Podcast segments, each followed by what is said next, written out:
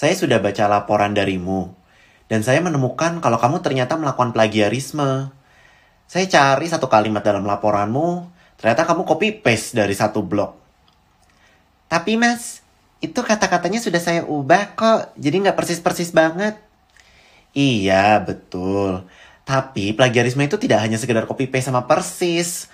Walaupun kamu ubah, kamu tetap melakukan plagiarisme. Oh gitu ya mas. Aduh maaf mas, saya tuh nggak tahu. Hai, kembali lagi bersama saya Billy di podcast Riset. Terus, ini episode perdana kami nih dalam format monolog, di mana saya atau Bele akan membahas satu topik. Kali ini, aku akan bahas topik yang sempat heboh di bulan Februari lalu, khususnya di kalangan para akademisi, yaitu plagiarisme. Kalau ada yang membaca majalah Tempo edisi bulan Februari, hal ini memang sedang heboh nih dibahas uh, tentang plagiarisme ini di perguruan tinggi ya khususnya. Ilustrasi tadi di awal itu adalah hal yang benar-benar terjadi pada mahasiswaku. Plagiarisme itu bisa terjadi baik disengaja ataupun tidak disengaja. Jadi seperti yang uh, di awal dilakukan oleh mahasiswaku, walaupun dia mengaku sudah ubah-ubah kata-katanya dan tidak tahu kalau ternyata itu plagiat, dia itu tetap salah dan melakukan tindakan plagiarisme. Saat itu karena posisinya tuh mahasiswa aku masih mahasiswa semester awal ya dan dia bener-bener nggak tahu kalau itu adalah plagiat.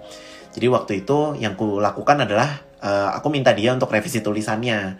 Jadi nggak langsung aku nggak lulusin gitu. Aslinya ya kalau di perguruan tinggi itu plagiat itu tuh adalah dosa yang tidak termaafkan gitu dan mahasiswa tuh bisa langsung nggak lulus gitu mata kuliah itu atau nilainya dikasih nol lah gitu buat uh, komponen penilaian tersebut gitu. Bahkan ada kampus yang langsung DO tuh kalau misalnya mahasiswa yang melakukan plagiat gitu. Cuman ya waktu itu aku mikir ya udahlah dia kan masih mahasiswa semester awal dan bener-bener nggak tahu jadi uh, this is ya I give you second chance gitu jadinya. Eits, tapi tuh mas uh, plagiarisme itu tuh nggak cuma dilakukan oleh mahasiswa loh. Dosen atau peneliti tuh juga bisa melakukan plagiarisme ini. Nah kalau begitu sebenarnya apa sih plagiarisme itu Kalau dalam Kamus Besar Bahasa Indonesia, plagiarisme itu adalah penjiplakan yang melanggar hak cipta. Definisi ini mungkin bisa dipahami ya, karena kasus plagiat di Indonesia banyak juga nih terjadi di bidang seni gitu. Misalnya kayak karya musik yang nadanya sama persis dan hanya diubah liriknya gitu. Uh, nah itu kan karya musik itu kan punya hak cipta gitu dan sebenarnya yang punya hak cipta kan gak cuma lagu nih gitu tapi juga karya tulis seseorang kalau dalam konteks akademik, menurut Oxford Dictionary, plagiarisme itu adalah the practice of taking someone else's work or ideas and passing them off as one's own. Jadi misalnya kita uh, dalam tanda kutip nih ya mencuri ide orang lain dan menganggapnya itu sebagai ide kita sendiri gitu. Makanya kalau kita melakukan copy paste atau ubah dikit-dikit itu tuh tetap uh, tetap dianggapnya sebagai plagiarisme, tetap dianggap plagiat. Karena yang dicuri adalah idenya dan bukan hanya sekedar tulisannya. Bahkan di Indonesia itu tuh sebenarnya udah ada peraturan menterinya loh. Yaitu Peraturan Menteri Pendidikan Nasional nomor 17 tahun 2010 tentang pencegahan dan penanggulangan plagiat di perguruan tinggi. Ini, waduh ini uh, habis kepo nih di Google ya gitu. Jadi agak dibaca ini. Nah, kalau di webnya uh, apa University of Oxford terdapat beberapa bentuk dari plagiarisme. Uh, ada empat contoh plagiarisme yang paling umum kuliah khususnya di Indonesia ya. Yang pertama adalah copy paste tanpa mengutip. Ini tuh yang disebut sebagai verbatim quotation.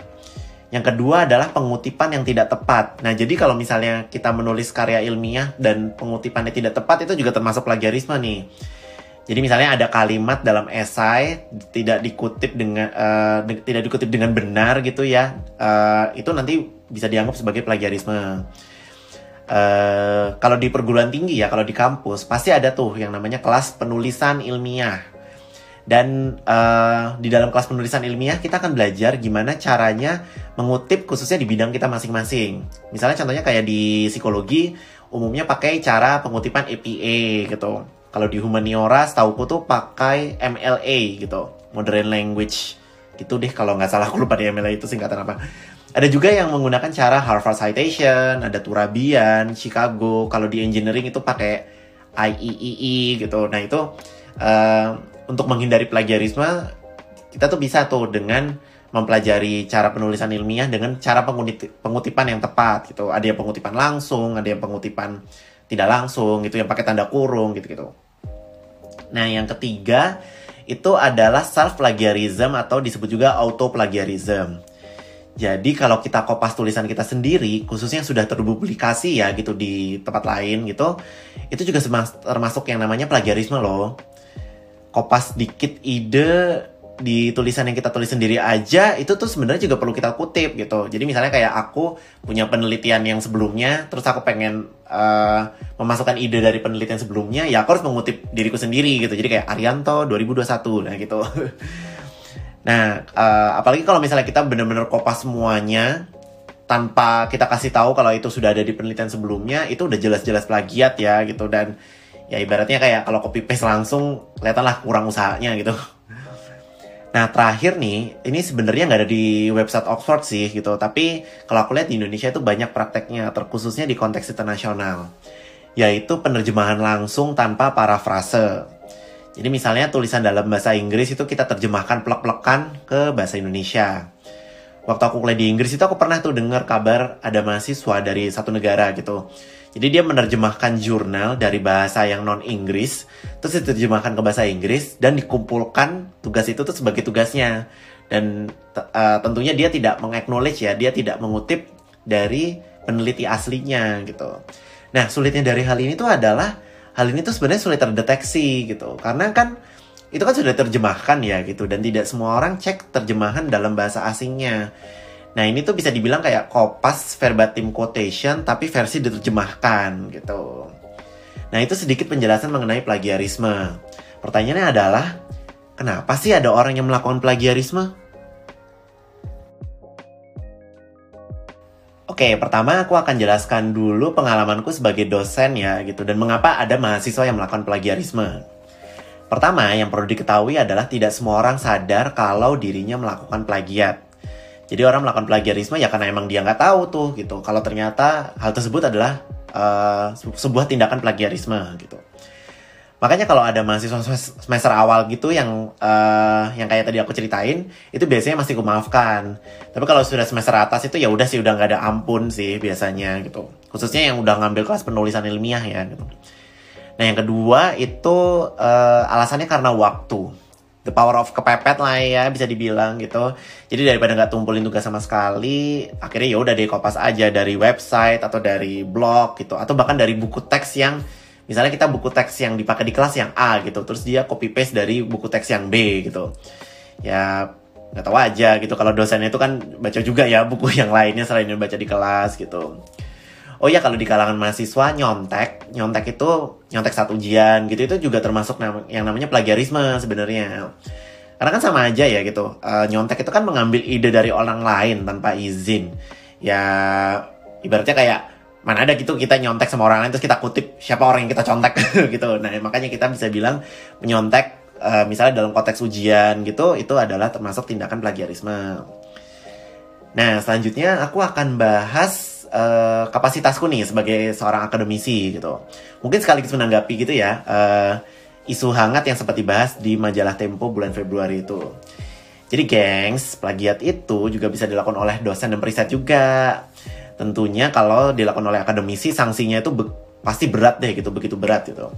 Misalnya kalau yang melakukan oleh, uh, adalah seorang profesor, ya itu profesor bisa dicopot tuh gelar profesornya nggak sedikit yang langsung dipecat sama institusinya. Bahkan setahu aku tuh uh, kalau orang melakukan plagiarisme, dia itu bisa di blacklist di berbagai penerbit jurnal dan buku. Jadi kalau misalnya dia mau publikasi lagi, uh, kayaknya lebih susah lah ya gitu. Plagiarisme itu bisa dibilang dosa terbesar oleh seorang akademisi ya gitu. Karena artinya kan dia sudah melanggar integritasnya nih ya. Dia melanggar integritasnya dalam melaksanakan riset. Tentunya ini adalah masalah etika ilmiah dan juga etika akademik juga nih. Pelanggaran semacam ini, eh, pelanggaran ini tuh bisa disidang oleh Dewan Guru Besar atau komite ilmiah dari satu perguruan tinggi gitu. Bahkan idealnya itu bisa sampai tingkat kementerian gitu. Karena kan tadi udah ada peraturan menterinya juga ya bahkan gitu yang tahun 2010 itu. Nah, bentuk plagiarisme yang dilakukan itu uh, bisa kayak dosen mencuri ide dari dosen lain. Bahkan nggak sedikit loh yang uh, dosen menjiplak karya mahasiswanya sendiri gitu. Misalnya kayak mahasiswa ngerjain skripsi, terus skripsinya itu dikirimkan ke jurnal tanpa seizin mahasiswanya dan bahkan tidak mencantumkan nama mahasiswanya sebagai penulis di artikel tersebut. Biasanya itu kalau misalnya uh, sama mahasiswa skripsi itu kayak uh, mahasiswa skripsinya sebagai nama pertama, kita kita pembimbingnya sebagai nama kedua atau ya bisa juga gitu uh, apa pembimbingnya itu sebagai nama pertama misalnya dengan mengubah apa mengubah skripsinya gitu mengubah hasil analisisnya atau bahkan dosennya jadinya yang nulis nulis ulang gitu itu uh, tergantung perjanjian sama mahasiswanya sih di awal gitu Nah, tapi bayangin deh kalau misalnya kalian udah susah-susah nih ngerjain skripsi, terus hasil karya kalian tuh dianggap sama dosen kalian gitu, dan tidak dicantumkan nama kalian sama sekali. Sakit gak sih rasanya gitu? Ibaratnya kayak itu kerja keras kalian, tapi uh, ternyata malah dianggap sebagai kerja keras dosen uh, kalian atau uh, pembimbing kalian gitu. Nah, kalau yang dibahas di majalah Tempo, praktek yang dilakukan itu beberapa kebanyakan adalah beberapa kebanyakan beberapa itu bentuknya adalah self plagiarism gitu. Misalnya apa yang sudah ditulis di jurnal Indonesia terus diterjemahkan ke bahasa Inggris dan diterbitkan di jurnal yang ada di luar negeri. Jadi ditulis jurnal A terus ditulis ulang ke jurnal B. Jadi kan kesannya kayak dia banyak nulis ya gitu. Padahal isinya itu sebenarnya sama-sama aja gitu. Nah, dalam konteks di perguruan tinggi, kenapa ya kok dosen atau periset itu diketahui melakukan plagiarisme gitu? Nah, puji Tuhan tuh selama aku bekerja ya sebagai dosen, uh, sebagai seorang akademisi, aku tidak pernah menemukan kasus di mana uh, rekan-rekan kerjaku itu tuh uh, melakukan tindakan plagiat ini. Tapi ternyata di luar sana terdapat uh, beberapa akademisi di beberapa perguruan tinggi yang malah melanggengkan praktek plagiarisme ini. Dan lolos nih dari sanksi gitu. Kembali lagi, uh, plagiarisme itu kan bisa disengaja ataupun tidak disengaja ya, dan apa pun itu sama-sama salah gitu. Nah, kenapa sih plagiarisme itu dilakukan? Uh, yang pertama, itu bisa aja karena tuntutan untuk menaikkan jabatan akademik gitu. Untuk naik jabatan akademik, dosen itu kan harus melakukan tridharma perguruan tinggi ya gitu. Uh, pengajaran, penelitian, dan pengabdian masyarakat. Dalam penelitian, itu salah satunya itu adalah publikasi penelitian dan makin tinggi jabatan akademiknya dia itu terbitnya harus di uh, kayak jurnal internasional yang bergengsi gitu yang kayak Trindex Scopus gitu atau yang Q1, Q2 gitu. Uh, ini juga mungkin kalau yang di Tempo kan sempat dibahas juga ya gitu yang uh, apa namanya bagi-bagi uh, gelar honoris causa ini. Nah itu kan untuk mendapatkan gelar honoris causa kan sesungguhnya uh, tidak semudah itu ya gitu. Dia harus punya kontribusi secara ilmiah juga gitu. Nah, akhirnya uh, aku nggak tahu sih ada nggak ya kasus orang yang uh, dia dapat gelar honoris causa dengan melakukan tindakan plagiat, tapi bisa juga tuh jadinya uh, supaya dia lebih gampang gitu ya dapat honoris causanya itu dia uh, udah plagiat aja idenya yang penting publish gitu jadi ibaratnya ya bener sih kayak karena tuntutan ya gitu karena tuntutan untuk naik jabatan atau apa gitu Nah yang kedua itu juga sebenarnya bisa juga sih tuntutannya nggak cuman tuntutan kenaikan jabatan akademik, tapi tuntutan dari universitas juga karena ada kaitannya dengan akreditasi. Nah kalau di akreditasi itu penelitian sebenarnya adalah salah satu poin yang besar nih dalam akreditasi kampus. Jadi ibaratnya daripada akreditasinya turun, akhirnya uh, udah deh pakai cara curang dengan melakukan plagiat sehingga kayak kesannya itu kayak wah banyak banget nih publikasi yang dilakukan oleh kampus ini gitu. Padahal sebenarnya satu penelitian yang sama ternyata dipublikasikan di beberapa tempat gitu. Nah ini tuh uh, seperti yang tadi udah aku bilang itu melanggar etika uh, dan integritas penelitian ya jadinya gitu. Kita sebagai akademisi ya harus berintegritas dong gitu. Kita melakukan satu penelitian ya dipublikasikan uh, apa namanya hasilnya ya dipublikasikannya jangan di beberapa tempat jadinya gitu. Ada sih misalnya kayak kalau penelitiannya gede banget bisa dibagi-bagi gitu ya. Misalnya kayak eksperimen 1, eksperimen 2, eksperimen 3. Tapi ya bukan berarti hasil yang sama persis ditaruh di beberapa uh, jurnal gitu. Uh, kalau misalnya dia masukin hasil penelitian yang sama, ide yang sama di beberapa jurnal, itu udah bisa dipastikan kalau dia melakukan plagiarisme gitu. Nah, panjang lebar udah dibahas nih tadi tentang plagiarisme. Sekarang pertanyaannya adalah gimana sih caranya kita bisa menghindarinya? tentunya kita harus mengedukasi diri kita terlebih dahulu ya gitu dengan bagaimana cara melakukan penulisan ilmiah secara tepat gitu. Aku yakin sih semua kampus pasti mengajarkan yang namanya penulisan ilmiah dan di dalam pembahasan penulisan ilmiah pasti dibahas tentang plagiarisme ini gitu. Nah kalau di dalam kelas penulisan ilmiah biasanya yang dibahas itu pertama adalah bagaimana caranya memparafrase gitu. Jadi uh, kita tidak serta merta langsung menggunakan kata-katanya sama persis, tapi kita memformulasi uh, apa yang kita baca menjadi sebuah argumen sehingga uh, apa yang kita tulis itu uh, betul memang kita kutip dari penelitian sebelumnya atau dari tokoh sebelumnya, uh, dari tokoh lain. Tapi idenya, argumennya itu tetap adalah argumen kita gitu. Jadi kita melakukan parafrase. Yang kedua adalah kita juga tidak langsung asal menerjemahkan. Jadi uh, mungkin ini khususnya buat kita yang apa ya bahasa kita pengguna bahasa Indonesia yang banyak membaca artikel-artikel berbahasa Inggris gitu bahwa kita tuh ya kita baca dulu terus kita formulasikan dalam bahasa Indonesia yang lebih tepat gitu. Karena kalau misalnya diterjemahin kan juga sebenarnya kelihatan banget ya gitu. Uh, tulisan yang terjemahan dari bahasa Inggris ke bahasa Indonesia langsung. Tuh. Nah uh, ada juga sebenarnya uh, alat untuk bisa mengecek plagiarism gitu. Ada semacam apa plagiarism checker gitu. Kayak misalnya program namanya Turnitin, Authenticate gitu. Itu itu dua yang setauku banyak dipakai sih gitu jadi kalau misalnya kita menggunakan Turnitin itu uh, bisa kelihatan tuh, oh ini ternyata kalimatnya sama persis dengan yang ada di website apa, ada yang di buku apa, di jurnal apa gitu. Cuman ya kembali lagi sebenarnya kalau penggunaan Turnitin sama kayak Authenticate gitu, kan database-nya dia lebih banyak penelitian-penelitian yang di luar negeri ya yang berbahasa Inggris gitu. Jadi misalnya kalau kita terjemahkan langsung uh, kadang-kadang nggak terdeteksi tuh gitu. Nah makanya uh, ada baiknya kita mengedukasi diri kita sendiri dulu terhadap bagaimana sih caranya kita menulis uh, menulis ilmiah secara tepat jadinya. Gitu. Karena bahasa misalnya bukan misalnya sih kalau dalam bahasa Indonesia ya gitu. Bahasa Indonesia kita sehari-hari yang kita bicara seperti sekarang ya kayak di podcast ini kan kita bicara uh, uh, secara verbal gitu ya. Sama menulis menulis kreatif menulis ilmiah itu kan berbeda caranya. Nah jadi makanya kita perlu mempelajari bagaimana cara menulis uh, yang komprehensif supaya kita bisa uh, apa namanya terhindar dari tindakan plagiarisme ini gitu. Nah, kalau kita membahas plagiarisme ini uh, bisa dibilang jadi muncul satu pertanyaan nih di akhir. Jadi sebenarnya apakah benar ya tidak ada ide yang benar-benar baru sehingga kita semua tuh harus mengutip dari ahlinya Menurut kalian bagaimana? Uh, kalau apa pun yang kita tuliskan, argumen yang mau kita tuliskan itu harus uh, mengutip dari tokoh-tokoh sebelumnya gitu. Jadi seakan-akan kayak kita, wah kita kalau misalnya mau memasukkan ide kita sendiri, bagaimana ya gitu. Demikianlah episode perdana monolog riset terus.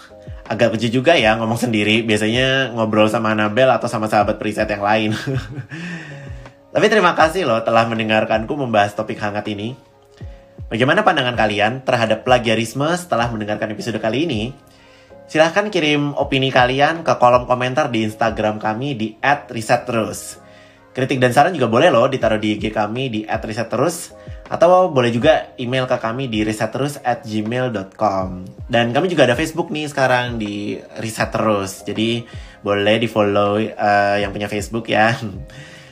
Nah, sekian episode kita kali ini. Sampai jumpa di episode berikutnya di podcast kami di Reset. Terus